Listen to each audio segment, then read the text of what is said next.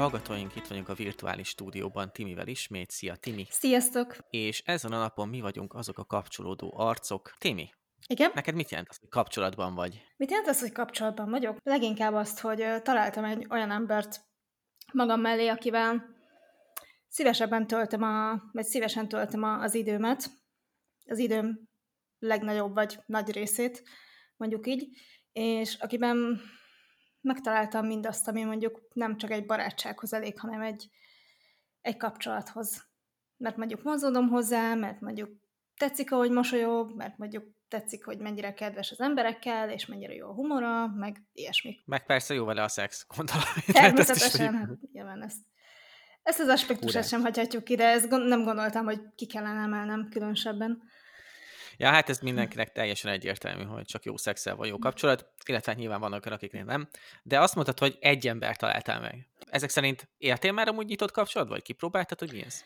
Nem, én soha nem voltam egy nyitott kapcsolatban, viszont ismertem olyan ö, párt, aki így ebben volt, úgyhogy igazából már így nem azt mondom, hogy tapasztaltam testközelből, de hogy, de hogy már így beszélgettem olyan emberekkel, akik így ebben vannak, és szerintem ez egy igazán érdekes dolog, hogy mi szükséges ahhoz, hogy, hogy egy nyitott kapcsolatot így gyakorlatilag fel tudj, fel tudj tartani, vagy milyen fajta személyiségjegy szükséges ahhoz, hogy, hogy ezt így teljességében meg tud élni és élvezni tud. És egyébként hogy képzelsz el egy ilyen nyitott kapcsolatot? Tehát, hogy mondjuk egy poliamóriával milyen, milyen különbségek vannak? Vagy, vagy ugyanazt értjük alatta egyébként? Vagy amikor azt mondja neked valaki, hogy nyitott kapcsolat, akkor a számodra ugyanaz, mint a poliamória? Vagy, Nem feltétlenül szerintem. Legalábbis én úgy képzelem el, hogy a, a poliamória az gyakorlatilag az, amikor több emberbe vagy szerelmes, vagy nem is feltétlenül szerelmes, de hogy több embert tudsz szeretni.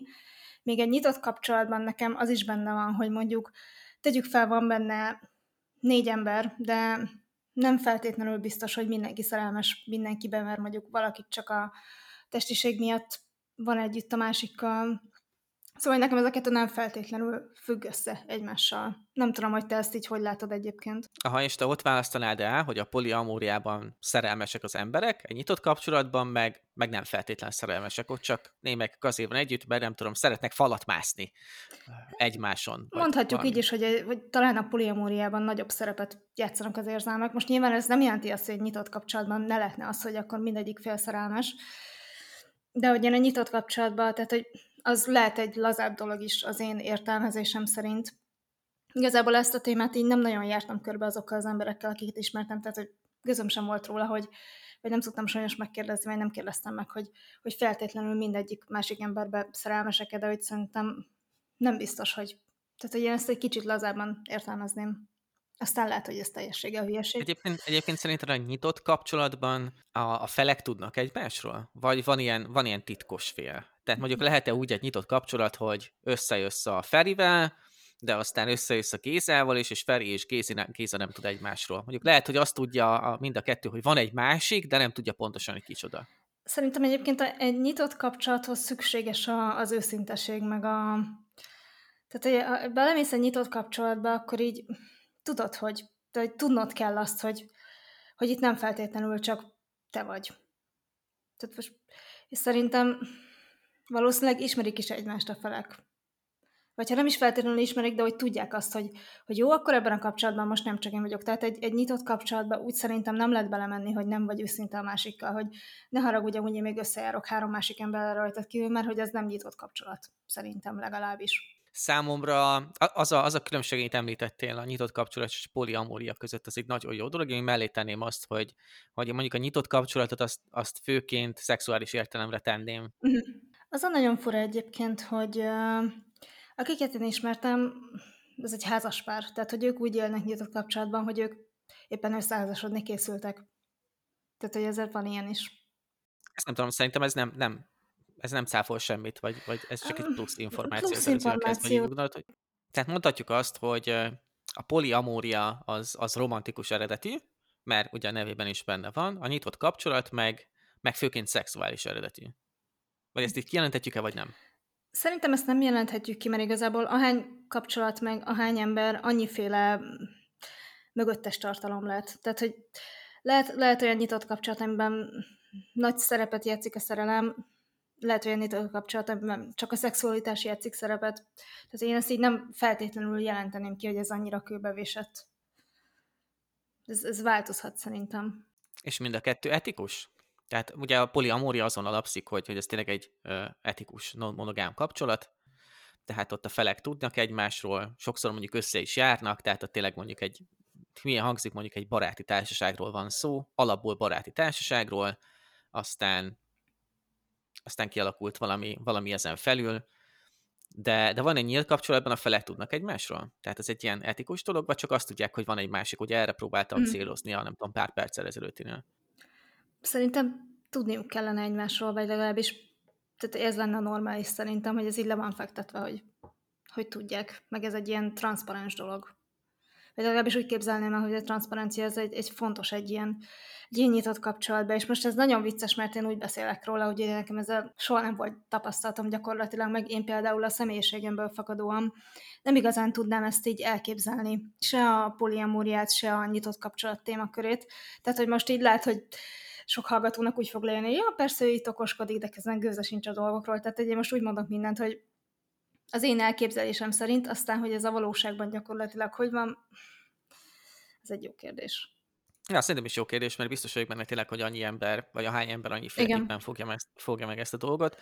Főként a nyitott kapcsolat téma, tehát biztos vagyok benne, hogy van olyan, ahol azért ez etikus, meg van olyan, ahol csak azt tudják, hogy hello, szia, nyitott kapcsolatban vagyok, és azt csinálok, amit akarok, vagy éppen azzal, akivel akarok. Én, én úgy értelmezem egyébként, hogy nyitott kapcsolat az főként ilyen. Tehát az egy, az egy úgy mondanám, hogy úgy alakul ki, hogy nem akarod magad elkötelezni valaki mellett, mert te szereted a szabadságot, és akkor elindulsz egy ilyen nyitott kapcsolat felé. Lehet, hogy már ekkor van valakid, akivel folyamatosan lefekszel, de lehet, hogy később lesz valakit, akivel lefekszel, de én úgy érzem, hogy ez a, az egyik lépés, vagy egyik kiváltó. Tehát gyakorlatilag lehet az is, hogy valaki mondjuk el akarja kerülni azt a felelősséget, ami, ami egy rendes kapcsolattal járna. Mondhatjuk ezt így szerinted? De akkor, akkor nem feltétlen nyitott mm. kapcsolatba megy át, mert szerintem a nyitott kapcsolatban jó, oké, okay, előfordulhat, mert ugye beszéltünk arról, hogy a nyitott kapcsolatban az lehet csak szexuális alapú, tehát hogy csak összejársz en emberrel, és nem feltétlen kell mellé egy szerelmi vagy, vagy párkapcsolatot, tényleg csak mondjuk a, a szexuális oldaláról szólhat az egész, akkor már egy nyitott kapcsolatban vagy.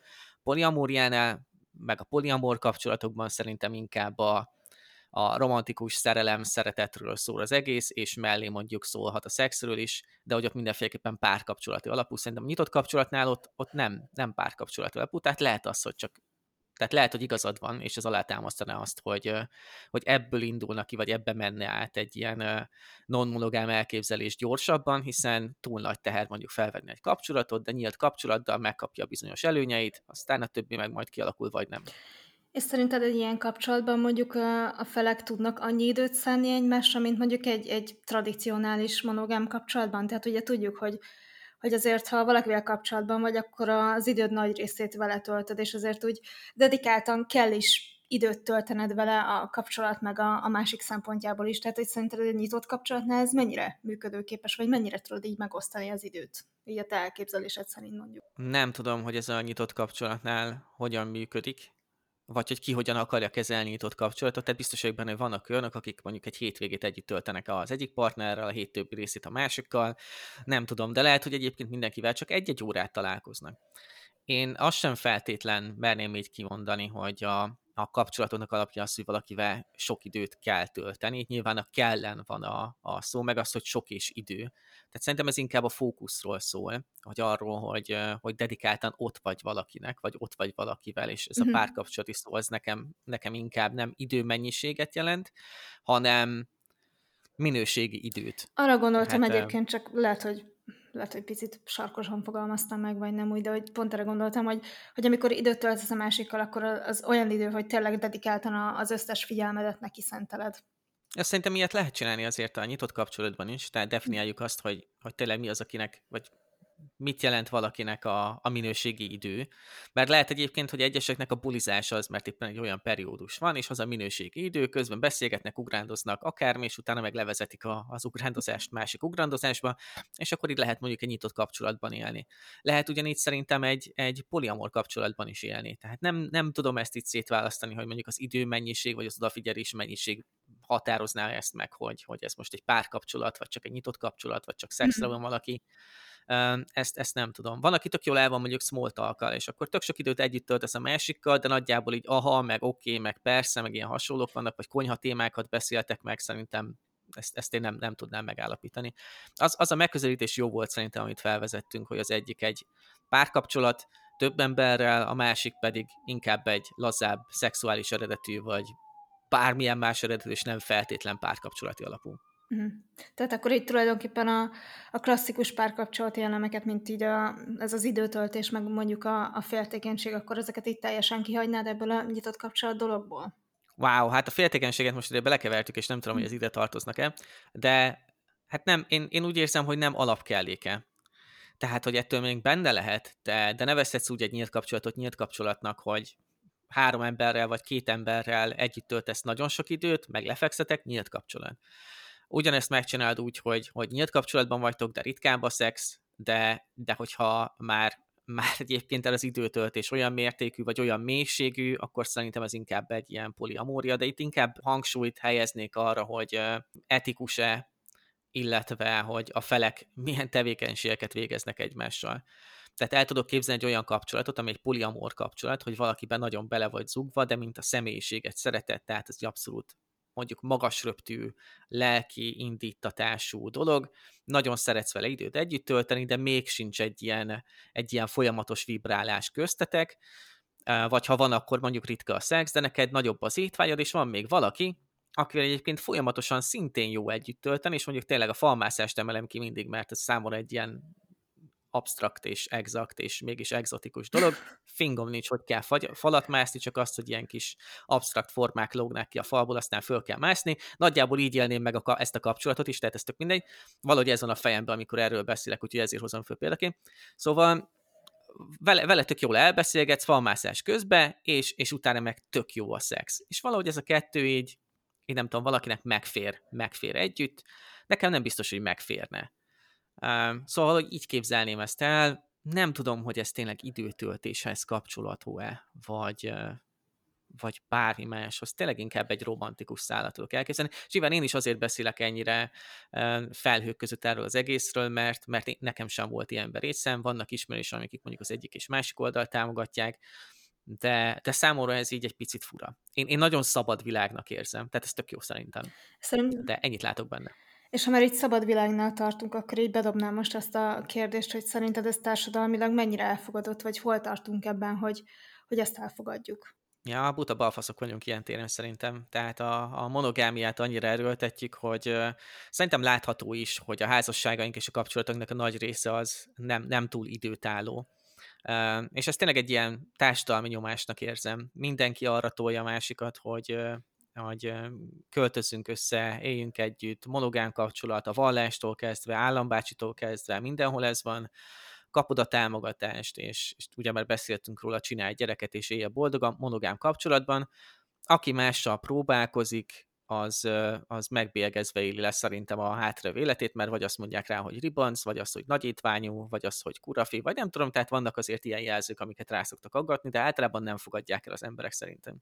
Hát igen, mondjuk ezt, ezt így elég nehéz elképzelni, hogy hogy hazamész a családhoz, és akkor mondjuk elújságolod nekik, hogy hát sziasztok, akkor én mostantól egy nyitott kapcsolatban élek, vagy egy poliamor kapcsolatban élek, tehát hogy szerintem ez egy kicsit nagy, nagy visszhangot váltanak ki még itt családi körökben, még akkor is, hogyha mondjuk elfogadóbb a családod, és szerencsés vagy. Mert egyébként tényleg, tehát én is úgy érzem egy picit, hogy, hogy ott tartunk, hogy még ezt a melegség, meg uh, ilyesmi témákat sem vagyunk képesek teljesen feldolgozni, meg elfogadni, tehát hogy azt, hogy nyitott kapcsolat, meg poliamória, attól szerintem még fényévekre vagyunk itt társadalmilag. Egyébként szerintem a, a poliamor kapcsolatok emészthetőbbek lennének egy családnak, mint a nyitott kapcsolatok. Én legalábbis így érzem. Mert ha mondjuk, hogyha megpróbálod előadni ezt a, a, a nem tudom, nagy közönségnek, barátaidnak, szüleidnek, tök mindegy, akkor ez úgy jön le, hogy te több embert szeretsz. Több embert tudsz szeretni ugyanúgy. Sajnos ezt nagyon sokan azonosítják azzal, hogy csak azért szereted a másikat, mert vele jó a szex, meg a harmadik, a negyedikkel is, és, és ez tökre nem ugyanaz. És szerintem ez az eszme, hogy tudsz több embert szeretni ugyanúgy, és elfér több ember a szívedben, ez nagyon pozitív. Ez sokkal jobban eladható, mint az, hogy hát figyelj, szeretek emberekkel lefeküdni. Meg ez egyébként szerintem azért elfogadhatóbb, mert hogy ha megnézed, akkor a, a szerelem versus szeretet témaköre az, az szerintem mindenkinek egy picit más jelent. Tehát, hogy megkérdezni az embereket, hogy számára mi a szerelem, meg mi az, hogy szeretni valakit, garantálom, hogy tíz emberből tíz teljesen más mondana. Tehát, hogy ez egy olyan, olyan dolog, amit így nem tudsz megfogni, meg nem tudsz kőbevésni. Tehát, hogyha azt mondod valakinek, hogy, hogy én több embert szeretek egyszerre, vagy mondjuk a családodnak, akkor így azzal nem nagyon tudnak vitatkozni, mert ők ugye nem, tehát nem tudják, hogy számodra mit jelent az, hogy szerelem vagy szeretni. Nem tudom, hogy ez mennyire, mennyire értető, hogy mit, mit akartam így átadni. Há, igen, szerintem, tehát ebben az a, az a jó, hogy egyetértek, mert szerintem ilyen kisebb közösségekben ez abszolút szubjektíven tud létezni, de hogyha a, mondjuk az ország szintjét nézed, akkor ez elég objektív. Tehát a, mindenki érzett már szerelmet, oké, nem mindenki, és mindenki érzett már szeretetet. És mindenki érzi, hogy a kettő közt van egy óriási vonal, amit sokan könnyen átlépnek, de nagyon sokan büdös életben nem fogják tudni átlépni. Tehát nem, tud, nem tudsz egy olyat kialakítani, hogy valakivel egy ilyen szerető baráti viszonyba vagy, és utána hirtelen átlépsz egy ilyen szerelmi viszonyba. Vannak, akiknél ez működik, vannak, akiknél ez idő függvénye, egy-egy eseménynek a függvénye, vagy éppen a vágynak a függvénye, és szerintem, hogyha elég sokan mondják ugyanezeket a dolgokat, akkor, akkor ez objektív lesz. De egészen addig, amíg mondjuk egy családi vagy kisebb közösségben, hogy tök egyetértek, hogy valószínűleg teljesen más fognak mondani arról, hogy ők mit éreznek akkor, amikor szeretetre vagy, vagy szerelemre gondolnak. De ezért mondom, hogy ez, én, én úgy érzem, hogy ezeket jobban el kéne fogadni. És uh, ahogy mondtad, hogyha most hazamész, és, és elújságolod, nem tudom, a testvéreidnek, hogy figyelj, én, én egy ilyen poliamor kapcsolatban vagyok, hát fényjuk nincs arról, hogy ez most pozitív vagy negatív, de inkább a negatív visszhangját fogják érezni, és nem fogják elfogadni azt, hogy te egyébként csak több embert szeretsz. Nem feltétlenül több ember vagy szerelmes. Mert mint így az én részemről az én családom azt tudom, hogy nagyon elfogadó, tehát hogy hogyha én hazállítanék egy ilyesmivel, akkor szerintem, jó, hát biztos, hogy néznének egy nagyot, de hogy egy idő után megbékelnének vele, tehát hogy nem, nem lenne ilyen nagyon negatív visszhangja, hogy jó, te most hülye vagy, vagy, vagy, vagy ez elfogadhatatlan, vagy akkor kitagadunk, vagy nem tudom. Tehát ez az abszolút szerintem családfüggő, de, de én például a, a saját családomat úgy ítélem meg, hogy szerintem ők lennének elég elfogadóak. De egyébként ez, ez tényleg egy elég ijesztő dolog lehet, hogy hazállít ezzel mondjuk a gyereked a tesó, de nem tudom akárkit, hogy hát akkor én most egy poliamor kapcsolatban vagyok, és akkor jó, akkor ez most mi, és akkor most miért, és már megint mi történik. Közben elgondolkoztam azon, hogy hogyan lehetne ezt pozitívabban felhozni, vagy elővezetni egy, egy kisebb közösségnek, mondjuk tényleg a családnak. Mert szerintem ezeknél a kapcsolatoknál, bármilyen kapcsolatnál is, hogy beszéltünk a gyerekvállalásos témánál is erről, hogy a, a család az egyik legnagyobb ütőkártya, és ők tudják a legnagyobb nyomást gyakorolni rád és onnantól, hogy valaki egy picit régi módi, és a, a monogám világból jött, nem hiszem, hogy ezt, ezt rövid távon be tudja fogadni, és biztos, hogy sok rugdosás lesz belőle. Egyébként szerintem ez, ez akkor befogadható leginkább, hogyha hogy a családtagok úgy érzik, hogy, hogy a te boldogságod az a, az a te dolgod, tehát hogy nekik csak az a lényeg, hogy te boldog legyél, tök mindegy, hogy kivel, tök mindegy, hogy hogy, tehát, hogy ha ne, a, a, azt vallják, hogy a te boldogságod fontos, és nekik mindegy, hogy ez most egy fiúval, vagy egy lányjal, egy poliamor, vagy egy nyitott kapcsolatban, vagy egy monogám kapcsolatban, akkor szerintem így el fogják fogadni. De a legtöbben erre rá fogják vágni, hogy jó, de ettől még azért nekik ugyanúgy vannak elvárásaik, és ezek az elvárások csak abból indultak, hogy jót akarnak neked, mert szeretnek. És erre általában visszaforgatja az összes ilyen egy vonalban látó szülő ezeket, és vissza, visszaviszik arra, hogy ez a törődés, ez csak a törődésről szól, csak azért, mert foglalkozok veled, és csak jót akarok neked, és ez a hármas szerintem folyamatosan együtt jár. És látjuk azt a, a tényleg a gyerekvállalásnál is szerintem szóba jött az előző témánál, és és szerintem, hogyha a Twitteren körbenézünk, akkor is egy folyamatos dolog. Tehát most egy szülő nem fogja belátni, hogy neki nem a, a gyereke a legfontosabb. Tehát bármi, ami szerinted a, a, a felhozol, ez ellen azt fogja mondani, hogy de, de én csak azt akarom, hogy boldog legyél. Tehát hogyan magyarázod így meg egy szülőnek, hogy de egyébként én a lányokat szeretem, és lány vagyok, tehát ha ezt nem veszi be a gyomra, akkor, akkor nagyon hosszú idő lesz, mire elfogadja azt, hogy ja, egyébként én csak boldog akarok lenni, és így leszek boldog. Mert azt fogja mondani rá, hogy de egyébként is lehetsz boldog. Meg hát nézd meg, hogy milyen szörnyű dolog ez, ismerd meg Gézát, hát Géza tök jó arc nem tudom, nagyon nehezen képzelem azt, hogy valaki mondjuk tényleg egy ilyen, mondjuk, mondjuk úgy, hogy mély, mély keresztény, ez szerintem egy nagyon negatív, számomra egy nagyon negatív kifejezés, de egy mély keresztény világból jött, abszolút monogám beállítottságú családból származik, és egy ilyen anyuka és hazamegy a kislány, és azt mondja nekik, hogy, hogy én, én több embert szeretek. Hát tök mindegy, hogy mennyire akarod a lányodnak a boldogságát, mivel te egy olyan egydimenziós rendszerben nőttél föl, hogy kvázi nincsen más, és minden más az ördögtől való, nem tudom, hogy ezt hogy lehetne jól csinálni. Tehát, hogy igen, ez azért nehéz kérdés, mert így most így nem akarok nagyon ebbe a vallás témába belemenni, de hogyha valaki ezt nagyon gyakorolja, akkor nyilván megpróbál úgy élni, hogy ez a, az az adott hitnek, meg az adott vallásnak az így teljes mértékben megfeleljen. Csak hát ugye kérdés, hogy most attól, hogy, hogy az anyuka mondjuk keresztény, attól a, a gyerek mondjuk nem feltétlenül az, de érthető, hogy a, az ő értékrendje, meg az ő, ő vallásába ez így nem fér bele, és ez mondjuk feszültséget okozhat a, a családban. Azt szerintem tuti, tuti feszültséget okozna.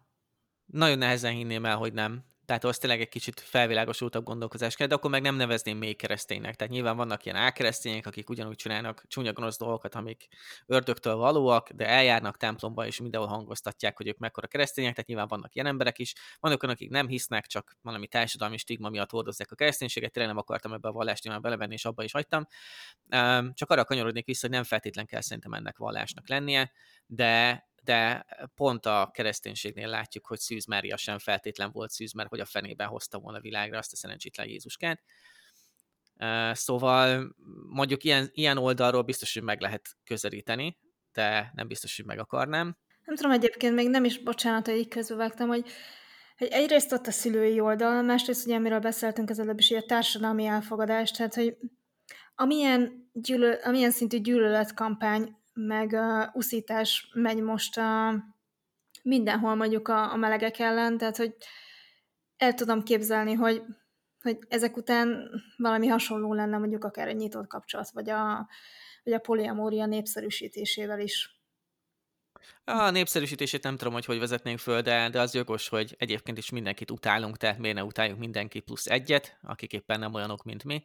Ebben a részében egyet értek, de, de a társadalmi megkülönböztetést vagy elítélést inkább ott látom, hogy az emberek nem értik a nyitott kapcsolat és a poliamóriának a lényegét, és ez nem azt jelenti, hogy, hogy amint feltűnik egy új férfi mondjuk egy nő életében, és együtt vannak két hetet, mert eljárnak hétvégente moziba, akkor onnantól kezdve ők kapcsolatban vannak, és szabad a szex, és nagyon sokak számára ez ezt jelenti. Tehát, ha egy férfi meglát egy ilyet, általánosságról beszélek, a férfi meglátja azt, hogy, hogy a nő nyitott a nyílt kapcsolatokra, akkor azt hiszi, hogy ez annyit jelent, hogy találkozik vele ötször, és már le is feküdhetnek. Ha azt mondja valaki, hogy ő a poliamóriára nyitott, akkor az általában a férfiaknak azt jelenti, hogy egy hónapon keresztül te nagyon jó barátja vagy, és utána majd lefekszetek, és mennyire király lesz. Vagy lesz egy új barátnőd, és így eltarthatsz több nőt is akár. És tökre nem ezt jelenti. Tehát ettől függetlenül ezek, ezek még azért egy kapcsolatok, tehát nem, nem alanyi jogon járnak valakinek, és nem a jó fejségnek a, a pontozott ilyen rewardjai, hanem, hanem azért ez két emberem múlik. És szerintem ez az, ami a stigmát okozza mhm. egyébként, és az, ami hordozza, mert bunkók a férfiak is, egyébként a nők is szerintem. Tehát gyakorlatilag azt mondod, hogy a, a nem elfogadottság az abból fakad, hogy, hogy nem igazán tudjuk, hogy mik ezek, illetve nem is akarunk utána járni, és a mélyére és megérteni, hanem csak ez a gondolunk róla valamit, és a mi mondjuk látásmódunknak megfelelően fordítjuk le ezt magunkban. Persze, hmm. mint ahogy minden mást, de, de igen. És itt szerintem inkább az, hogy, hogy nem beszélünk róla, ezekről a dolgokról annyit, ja, hogy, hogy legyen egy konkrét, igen, és legyen egy konkrét elképzelésünk róla. Mondjuk a melegekről már beszéltünk annyit, hogy tudjuk, hogy mi az, az LMBQT pluszról már beszéltünk annyit, hogy nagyjából azért látjuk, hogy mi és hogyan működik. Sajnos nyilván rossz irányba mentek ez, ezeknek a kommunikációi, tehát nem akarunk ebbe belemenni, de, de így nem beszélt senki arról, hogy mit jelent a nyitott kapcsolat, és mit jelent a poliamória. És mondom, szerintem társadalmilag elfogadhatóbb és elfogadóbbak és elnézőbbek a poliamóriával szemben, mert a nyitott kapcsolatot lesz mindenhol mondjuk úgy értékelik, hogy valakinek csak nagyobb az étvágya, és valahol le kell vezetni. Um, ami szerintem, tehát valahol, valahol azt mondom, hogy igaz, de ez miért baj? És nekem mindig ez a legnagyobb kérdésem, hogy az miért zavar valakit, hogy valaki több emberrel érzi jól magát? Hát gondolkozom, hogy mi lehet ennek az oka, de igazából szerintem ez mindig egy adott emberre vezethető vissza. Most nem vagyok pszichológus nyilván, tehát hogy tudjátok szerintem mindannyian, de hogy arra tudok gondolni, hogy, hogy valamilyen saját magával kapcsolatos probléma állhat a háttérben.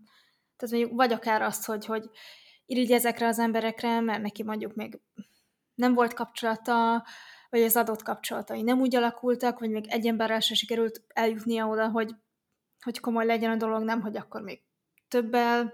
Meg ugye tudjuk, hogy most ez megint egy picit ilyen eltérés lesz a témától, de hogy az a tipikus séma, hogyha egy férfi lefekszik több nővel, akkor, akkor ő mekkora király és ász, és nem tudom, hogyha egy nő csinálja meg ugyanezt több férfi, akkor meg jön a kettős mérce, és mekkora ribanc vagy. De akartam vissza, vagy innen jöttünk, ugye, hogy hogy általában az embereknek ez annyit jelent, és a férfiak azok, azok ilyen szinten kezelik a nőket, akik nyitott kapcsolatban akarnak érni, egyszerűen jó fej vagy velük elviszett háromszor őket vacsorázni, és utána meg lehet őket döngetni. Mondjuk a legtöbb férfi így áll egyébként az összes kapcsolathoz, tehát főként gondolom láttad te is Tinderen, hogy nagyjából ez a, ez a standard, hogy első találkozó csók, harmadikon le kell feküdni. Ha az első találkozó nem jön össze a csók, akkor a másodikon nagyon be kell próbálkozni már az elején. Tehát, hogy vannak ilyen, vannak ilyen normák, ez a hármas szám, ez valamiért egy ilyen meseszámban. Nem tudom, egyébként nekem ez, ez annyira fura, mert így, nem tudnám elképzelni, hogy ez, hogy ez tehát, hogy én ezt csak a, mondjuk az ilyen incelekhez tudnám társítani. De az a vagy az incelekkel, meg szerintem senki nem megy el randizni. Már én most,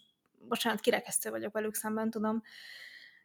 De ugye, ha ezt így tényleg ez, a, ez az általános gondolkodásmód, hogy, hogy csak azért, mert fizetek neked egy, nem tudom, egy italt, és akkor elmentünk randizni, és ez a harmadik randi, akkor már így kötelező lefeküdni, meg stb. Tehát ez, ez szerintem annyira nem, szomorú. Nem hiszem, hogy a, a szomorú, de nem biztos, hogy nem az italfizetést, de szerintem tök izé, de de, de tény, hogy így megpróbálják megvásárolni a saját idejükkel a másiknak a testi örömeit, vagy nem is tudom, hogy hogy mondjam.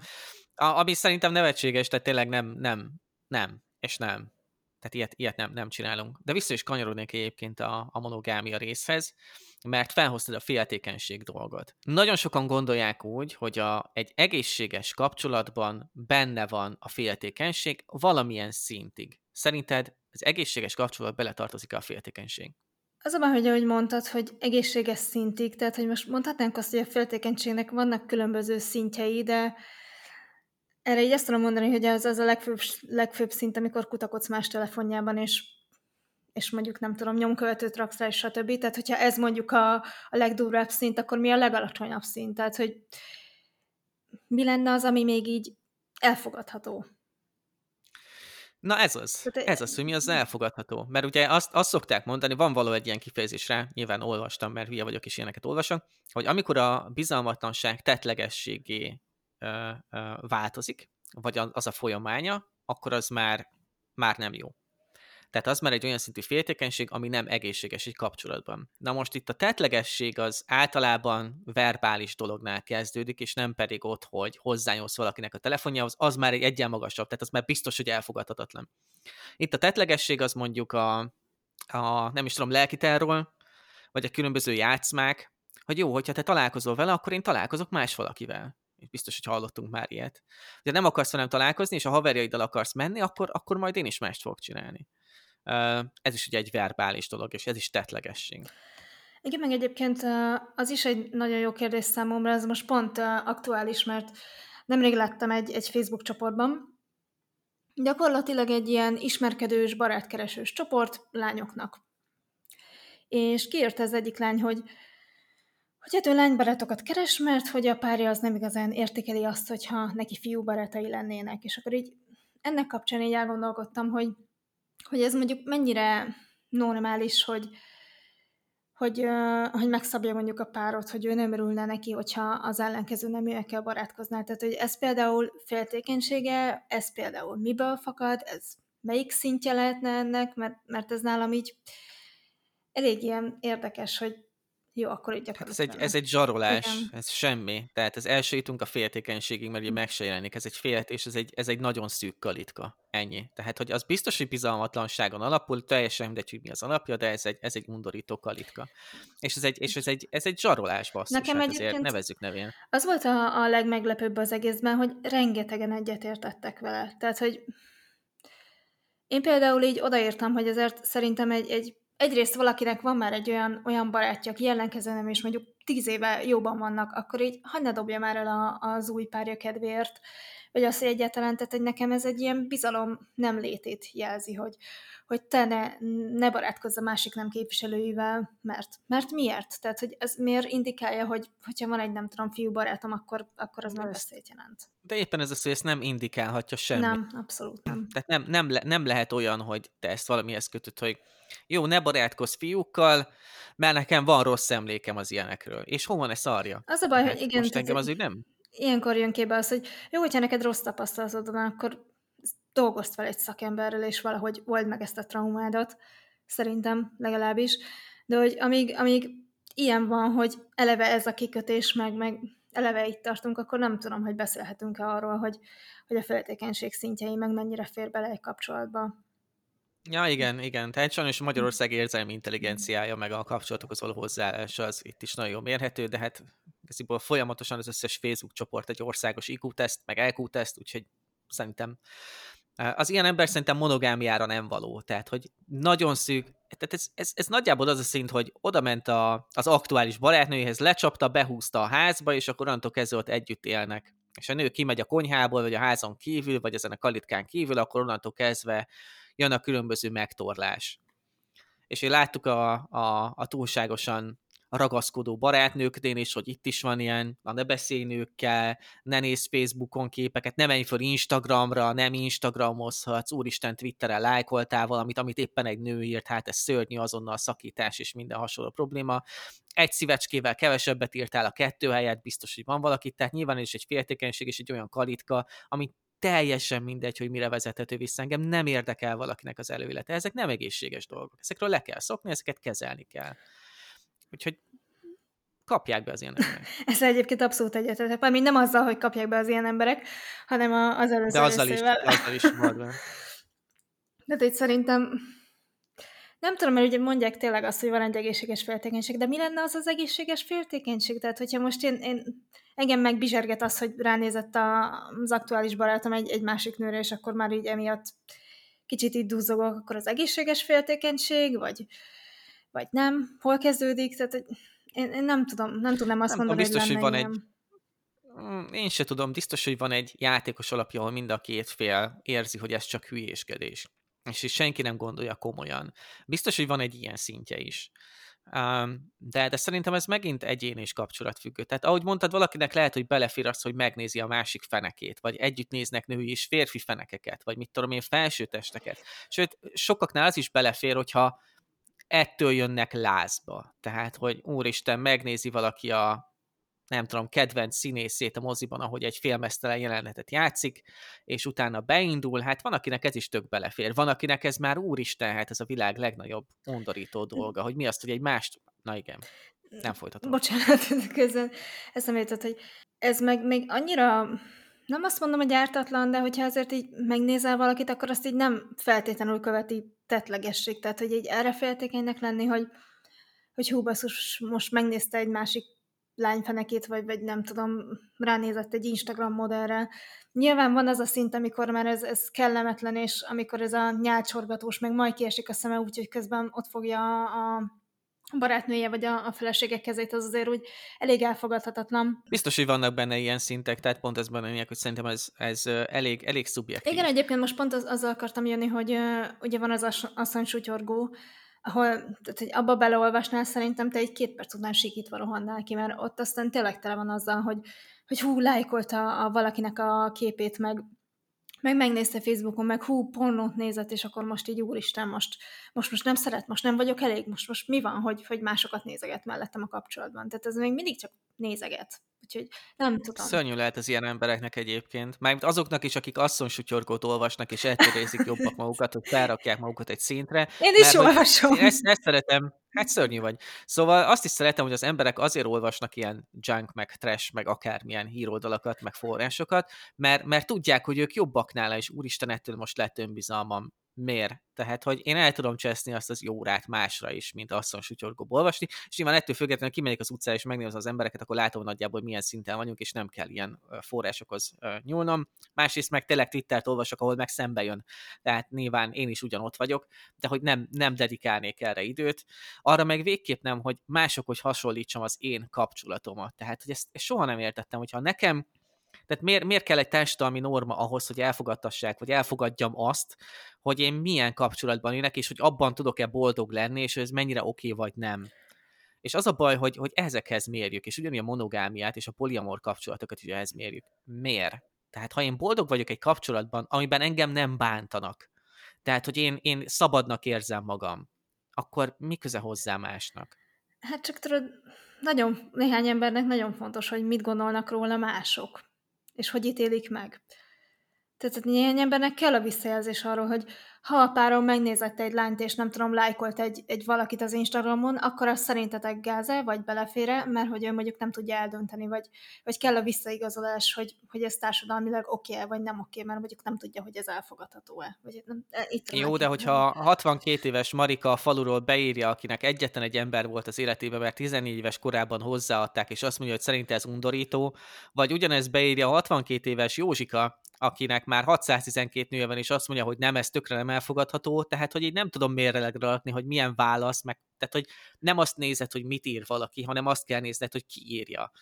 Szóval nem, nem hiszem, hogy, hogy bármilyen szempontból ez mérvadó lehet. Abban egyetértek, hogy mindenkinek, szerintem mindenkinek fontos az, hogy mit gondolnak körülötte, csak nem mindegy, hogy milyen témában, és nem mindegy, hogy mennyire. Tehát nyilván ezért beszélgetünk mi is most. Meglepődnél egyébként, de... hogy, hogy milyen témákat dobnak fel, tehát hogy olyan témákban is, ami már tényleg teljesen privát, és teljesen mondjuk a saját baráti körödre, vagy, vagy csak rád tartozna, és, és abban is kikérik az emberek véleményét.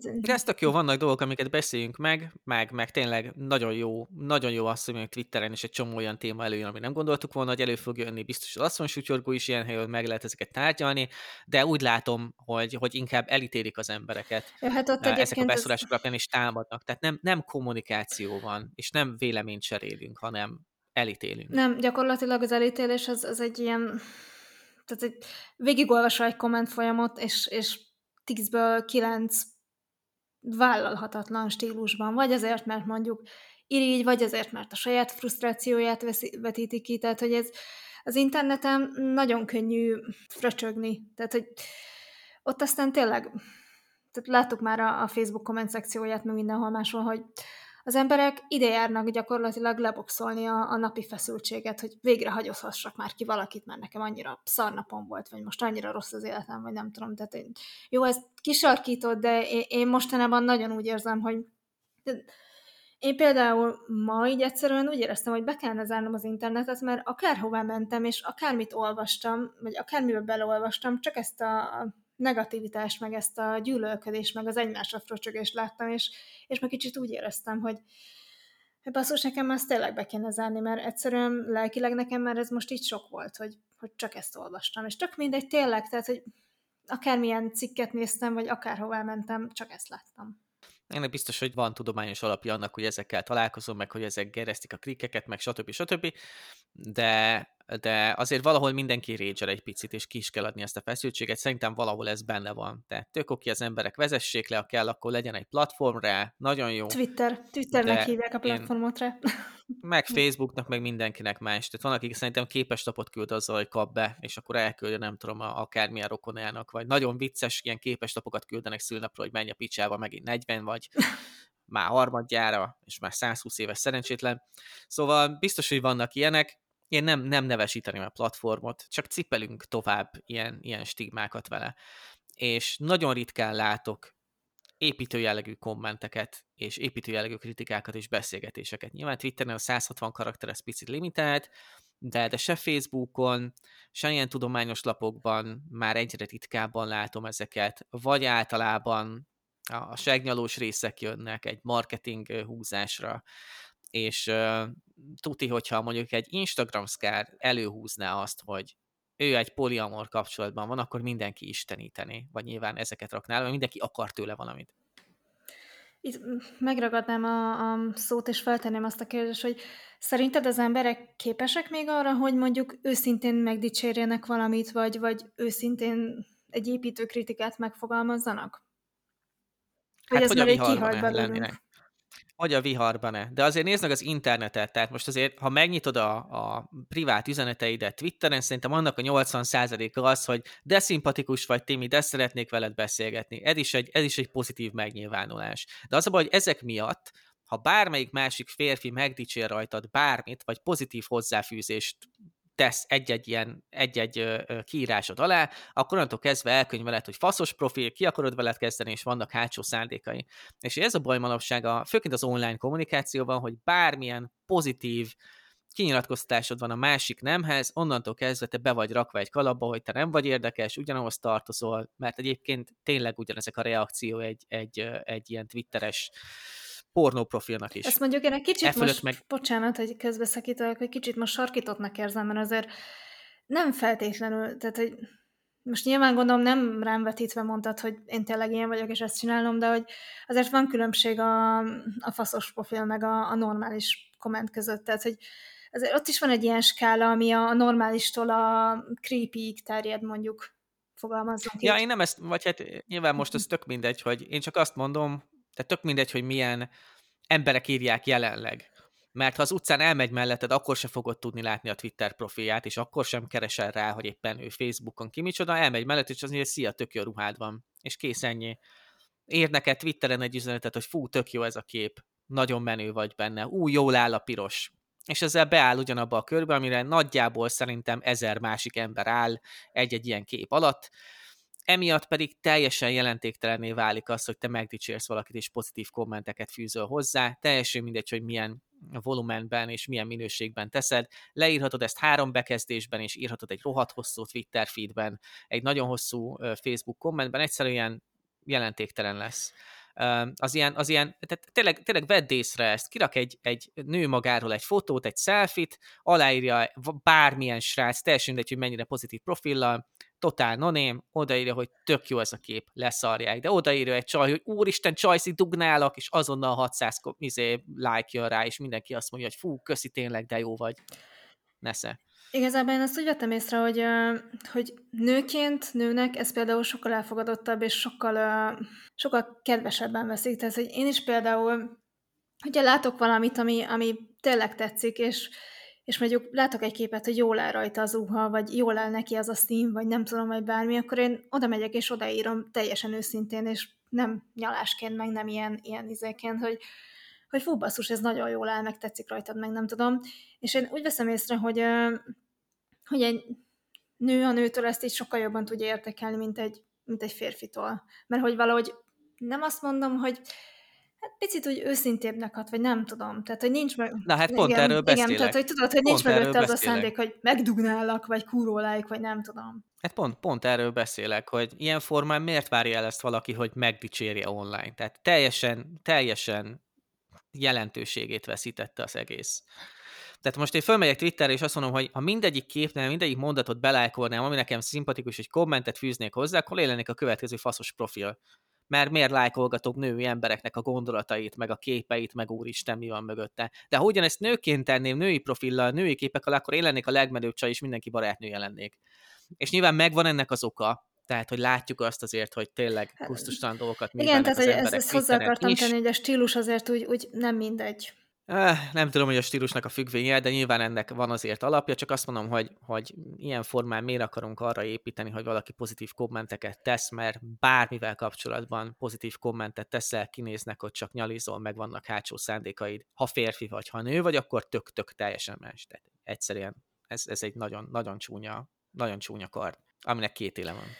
Hát igazából ez úgy érzem, hogy ha férfiként túlzásba viszed ezt, akkor azt így mondjuk Twitteren, Twitteren nagyon észrevehető, hogyha valaki, valaki így arra épít egy egész profilt, hogy akkor így mindenki alatt ott van, hogy hú, de jó ez a ruhád, de jó ez a képed, nem tudom, izé, bizé hozzá, és akkor megnézed mondjuk a profilját, a tweetek és válaszok fülecskét, és akkor csak azt látod, hogy, hogy napi szinten mindenkinek írogatja, tehát hogy amikor ezt látod, akkor az úgy jogosan felmerül, hogy jó, te mit szeretnél, mert hogy, hogy nem tudom, tehát hogy lehet, hogy ő ennyire jó ja, fej, persze, de az, az én úgy érzem, hogy ez mindenki számára egy ilyen creepy dolog. És így ugye nem véletlenül, tehát, hogy láttuk mostanában azt a lefutott Twitter balhét a, a, az utána kerestem a vonaton a lánynak, akinek csak a nem tudom, foglalkozását aha, tudtam. Aha, igen.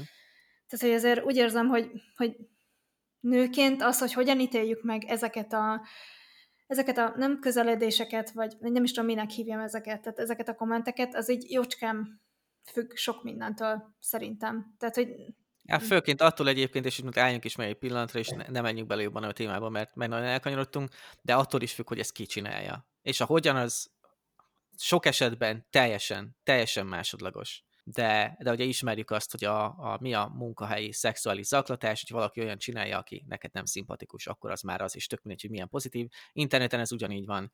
Tehát beírja a kedvenced, a crashod interneten, hogy úristen dugnálak, akkor jaj, hát te annyira cuki vagy, valaki meg megdicséri a szép ruhádat egy friss akkontról, akkor ő meg egy köcsök féreg, és nem foglalkozol vele. Nyilván nem rád, rád mondom, ez egy tök általános, és egy, tehát hogy ez egy, ez egy jóval kényesebb téma, mint az, hogy most két percben kivégezzük.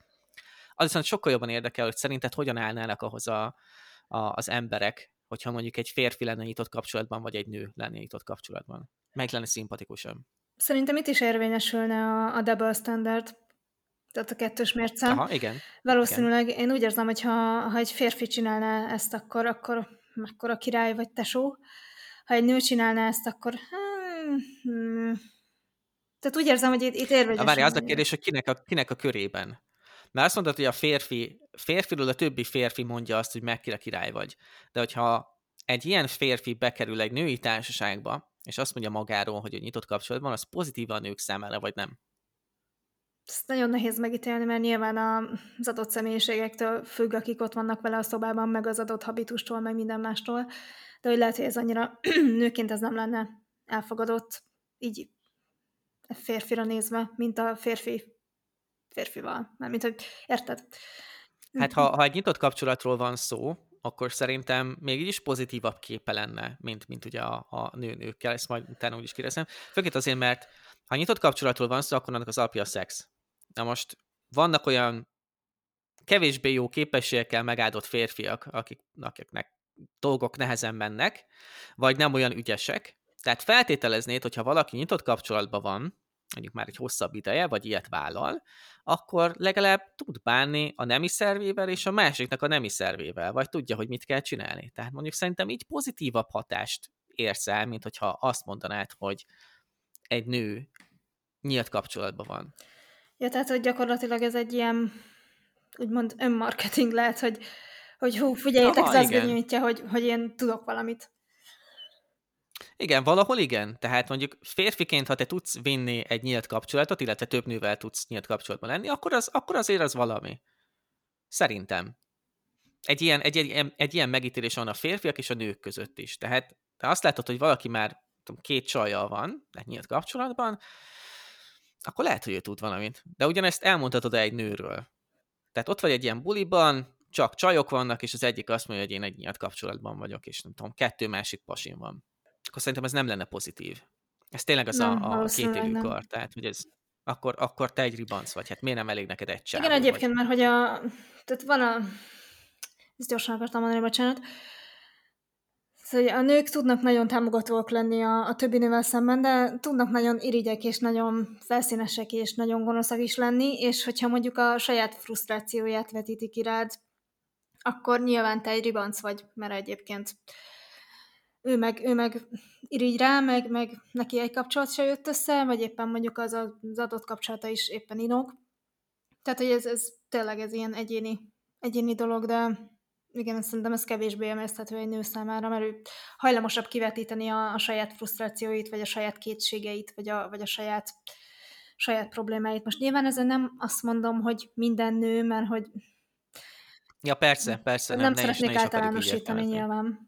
Nem, nem, De hogy nem, valószínűleg nem. De mondjuk hamarabb így... talán a negatív fogadtatásra, mint pozitívra. Hm, igen, igen, igen. Vagy nagyobb, nagyobb századékban lenne negatív. És mondjuk ugyanez a nő, aki nyílt kapcsolatban a férfiak között szerinted milyen fogadtatásban részesülne? Tehát ugyanaz a nő a férfiak között? Aha, aha, aha. Tehát nem tudom, igen. Úgy érzem, hogy valamiért elfogadottabb lenne. De nem én, én úgy gondolom, hogy én is szerintem, vagy én is úgy látom, főként a, az első elutasításig minden férfi úgy gondol, hogy ez tök jó. Mert ugye azt hiszik, hogy attól, hogy valaki nyílt kapcsolatban van, dugható vagy hát nagyobb eséllyel, nagyobb eséllyel dugható, mint bárki más, aki ott van a szeren. És így tudják azt, hogy hát ő már ellát két férfit, akkor mi neki egy harmadik, vagy, vagy könnyebb vérű, így ítélik meg mondjuk ezt. Szerintem. És amint megkapnák ezek a férfiak az első pofont, onnantól ez a ribanc lenne a másik, mert ugye már két másikkal együtt van, vagy akár többel, és egy nyílt kapcsolatban van, de velem nem, biztos, hogy nem velem van a hiba, akkor ő a ribanc. Tehát, Tehát ez, hogy én nagyjából így látnám ezt. Ez tulajdonképpen akkor így most megint ugyanaz a, az a szituáció, mint amit az előbb beszéltünk, hogy gyakorlatilag nem tudja valaki kezelni mondjuk az elutasítást, és emiatt a saját frusztrációját úgy vetíti vissza, hogy akkor az az adott nő ribanc, és nem velem van a baj. Mert Ja, társadalmilag nem tudjuk kezelni az mhm. elutasítást. Igen, ez, ezen abszolút egyetértek egyébként. Ezen, ez, ezen a téren aztán szerintem végképp nem. És mondjuk egy poliamor kapcsolat, azt szerint, hogy hogyan reagálnák le. Tehát egy nő ott van, és azt mondja, hogy én kettő srácsa vagyok poliamor kapcsolatban. Csajok között. Milyen lenne a megítélése? Hát valószínűleg nem tudom. Tehát, hogy én, én részemről, hogyha magamból indulok ki, akkor én biztos megkérdeznem, hogy ez így hogy működik, meg hogy tényleg tud-e mondjuk több embert szeretni egyszerre. Vagy ez így nem, hogyan épül fel, de hogy nem tudom, tehát ahogy mondtad... A... Szerintem egy de jó, szerintem egy de jó neked lenne hmm. így a válasz. Igen, hát tehát ez értem. valahogy elfogadottabb lenne, mint a, mint a nyitott kapcsolat. Igen. Mert hogy igen, ugye ilyenkor igen. mindenki arra gondol, hogy de jó, ez akkor így szerelmi alapú, meg akkor így itt többen már még a nyitott kapcsolatnál valószínűleg tényleg a, a szexuális dolgokra helyeződne inkább a hangsúly, és akkor ott jobban ki lehet vetíteni a, a saját frusztrációt. Mondjuk a poliamor kapcsolatnál is, meg igazából aki ki akarja vetíteni a saját frusztrációját, az meg fogja találni rá a módot, tehát mindegy. Hát csak valamiért a szerelmet meg a szeretetet magasztalják az emberek, és lealacsonyítják a testi igényeket. Tehát, hogy bármikor egy ilyen női dolognál összejön az, hogy te most szerelmes vagy, akkor mindenki, úristen, de jó csajsz, ide örülünk neki, több emberben vagyok szerelmes, és több kapcsolatot. Tehát, úristen, de jó csajsz, ide örülök neki, akkor mindig van mit csinálnod, és úristen, van kivel beszélned, de klassz. De hogyan ezt átraknád a férfiak körébe? Tehát egy férfi elmondja egy, a többi srácnak, hogy ő nem tudom, több nővel van, vagy egy nőn osztozik egy másik sráccal, nem, nem hiszem, hogy ennek olyan pozitív vége lenne. Tehát én nem látom azt, hogy fú, tényleg jó neked. Uh-huh, uh-huh. Mert akkor az lenne, hogy te nem vagy elég király, nem vagy elég alfahím ahhoz, hogy, hogy egy csaj legyen az életedben, annak a csajnak még kell valaki más is. Nem is az Legalábbis én így látom aztán. Szerintem inkább az is, hogy, hogy úristen, akkor most te képes vagy, nem tudom, egyszerre több ember tehát ez a felelősség, ami egy párkapcsolatban rajtad van, akkor az most így több emberrel kell ezen osztoznod, és így, atya úristen, hogy neked erre is van energiát, hogy, hogy akkor így több embernek megad azt, amit, amit más egy kapcsolatban sem képes egy embernek mondjuk. Szerintem egyébként a poliamor kapcsolatok, meg így a nyitott kapcsolatok is gyakoribbak a, a nők körében, főként egy bizonyos kor fölött. Tehát azt tudjuk, hogy akinek tehát aki azt mondja, hogy ő szexmániás, és hogy bírja a, az iramot, annak még nem volt szexmániás barátnője, és tényleg egy bizonyos kör fölött meg aztán, aztán végképp így van. És hogyha melletted, tehát egy férfi mellett még valaki tart egy másik férfit, az ilyen szempontból degradáló, mert valamilyen szempontból nem bírod az iramot, tehát vagy nincs annyi időd, vagy nincs annyi energiád, de, de ha csak arra kell lesz, hogy legyen esti játék, arra meg tök jó, tehát arra büszkék a férfiak, úristen, tényleg ennyi csajjal vagy együtt, hát mekkora menő gyerek vagy. És nyilván az általánosítás, tehát ne akarjuk ezt most ráhúzni a, nem is tudom, öltönyös és nagyon jól kimustrált férfiakra, meg akármilyen menő társaságra, ez abszolút, abszolút általánosítva van. De úgy érzem, hogy, hogy, hogy releváns. Mm, tehát gyakorlatilag most így az derült ki, hogy még mindig nem vagyunk képesek úgy, úgy igazán normálisan hozzáállni ehhez a dolgokhoz, vagy ezekhez a dolgokhoz, mert mert valahogy mindig képbe kerülnek a, a saját, saját frusztrációk, meg a, meg a másikra vetített társadalmi elvárások, meg, meg stb. Pontosan, és oda lyukadunk ki, hogyha ha a társadalmitól eltérő berendezkedésed van, főként kapcsolatok terén, teljesen mindegy, hogy az ö, poliamória, vagy nyitott kapcsolat, vagy csak tényleg nem akarsz gyereket, vagy csak nem akarsz valakivel összeházasodni, vagy csak nincs a jövőképben az, hogy, hogy gyereket szeretnél, akkor, akkor ennek a súlyát azt mondjuk a hétköznapi életben is folyamatosan érzed. Bármilyen társadalmi réteget vizsgálunk, és bármilyen összetételűt. Ez nagyon szomorú egyébként, hogy, hogy még mindig, mindig képtelenek vagyunk erre, és nem tudom, hogy ez, ez mikor fog egyáltalán javulni.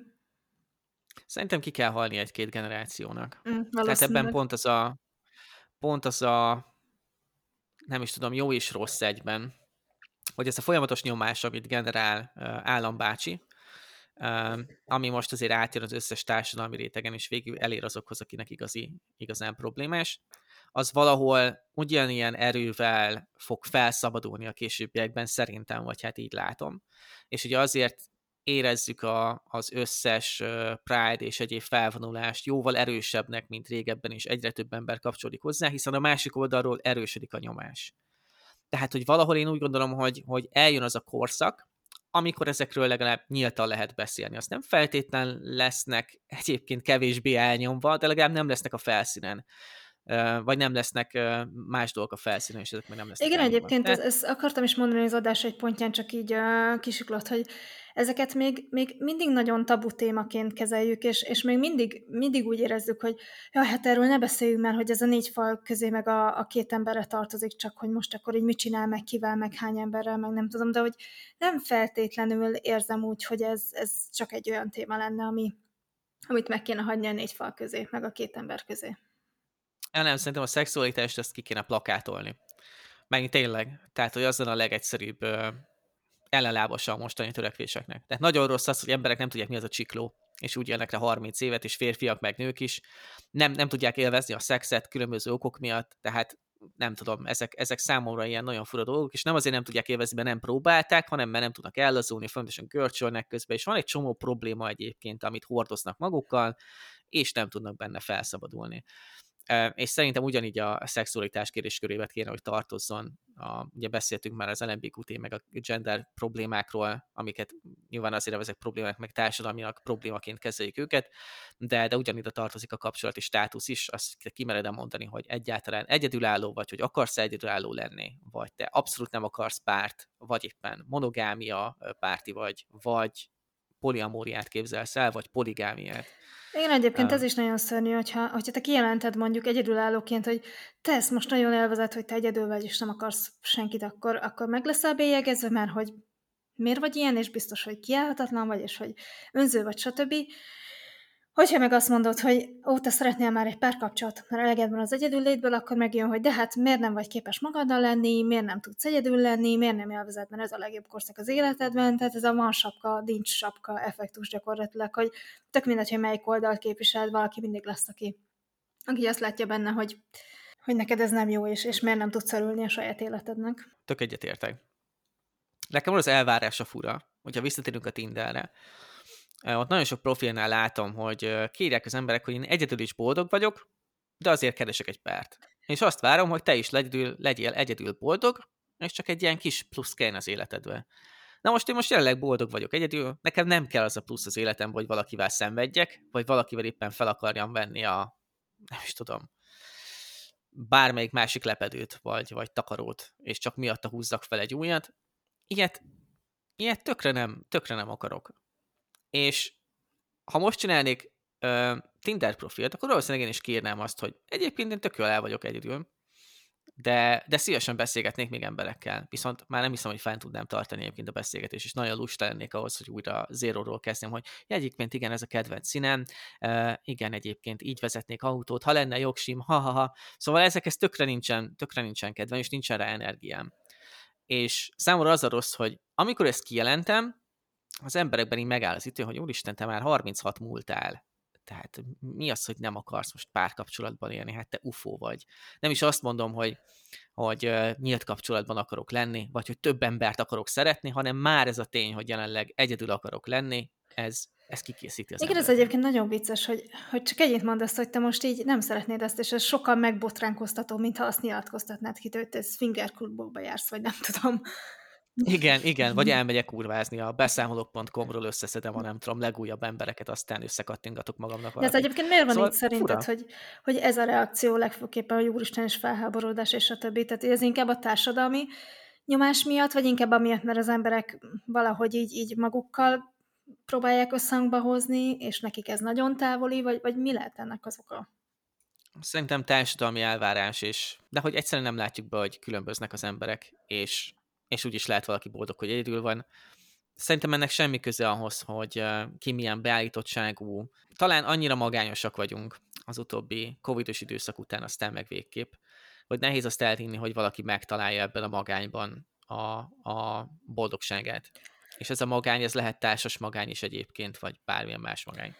Ezzel egyébként abszolút egyetértek, hogy most így egy ilyen, nem tudom, két-három év után ez így, ez így elképzelhetetlen valakinek. Viszont én úgy gondolom, hogy ha, valaki eléggé harmóniában van önmagával, meg, meg úgy minden rendben van, akkor így nem azt fogja firtatni, hogy úristen, te ezt most miért, meg mi, ez a dönt, mi ennek a döntésnek az oka, hanem akkor azt fogja mondani, hogy ha te így vagy boldog, akkor, akkor így vagy boldog, és tökre örülök neked. Vagy hogy ezt így megtaláltad. Hány ilyen embert ismersz?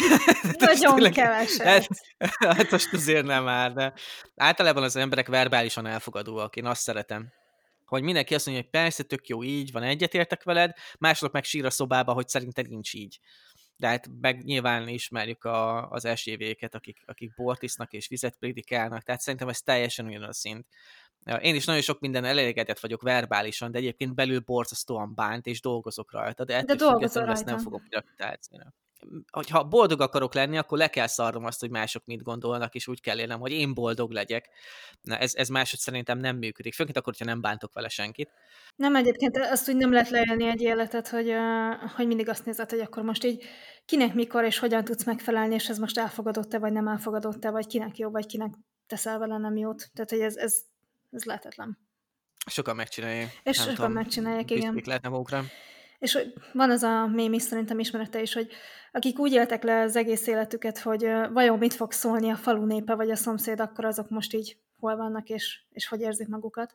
Nagyon sok olyan esetet hallottam az utóbbi időben, ahol a mama korabeli emberek, tehát mit tudom én, 60 plusz, most hirtelen tudom, nem annyira szép őket mama korabeli embereknek nevezni, de hogy ilyen emberek egy a romlott házasságból, ahonnan nem tudnak kilépni, mondjuk a falu, vagy egy bármilyen társadalmi beidegződés és stigma miatt, ezek az emberek elmerik mondani végre, hogy hogy elbaszták az életüket, és hogy rossz ember mellett élték le, de nem tudnak kilépni belőle, mert már idősek, és ha kilépnek belőle, akkor meg hihetetlenül felszabadulnak. És nagyon sok ilyen történetet hallok, és ez, és ez számomra pont amellett teszi le a voksot, hogy ha valami nem tetszik, és máshogy képzeled az életedet, akkor ez a te életed, és abból egy van és nem érdemes elcseszni csak azért, mert valaki más éppen a méhedben turkál, vagy éppen a nadrágodban, vagy gyűrűt akar húzni rád, és csak egyet. Ezzel teljesen egyetértek egyébként. Akkor vajon ez egy jó befejezése, vagy még akarunk valamit mondani? Szerintem e- ezt így, ezt így lezárhatjuk ezzel. Na, kedves hallgatók, nem tudom, mit szóltok hozzá, hogy nagyjából egy órát beszéltünk végig Timivel arról, hogy mi hogy látjuk ezt a kérdéskört. Még azt sem mondtuk rá, hogy mi milyen kapcsolatban szeretnénk kérni, mert szerintem egyikünk számára sem olyan biztos ez, bár Timi azt hiszem jobban húzza a monogámia felé én pedig egyelőre nem döntöttem el. De ha bármelyikünket be akarjátok találni Twitteren, akkor megtaláltok minket az, azok az arcok Twitter handle alatt, kukacoljatok meg minket, Gmailen is megtaláltok minket, azok az arcok kukac gmail.com-on, és kövessetek minket továbbra is. Köszönjük szépen, hogy itt voltatok velünk. Sziasztok! Köszönjük, és sziasztok!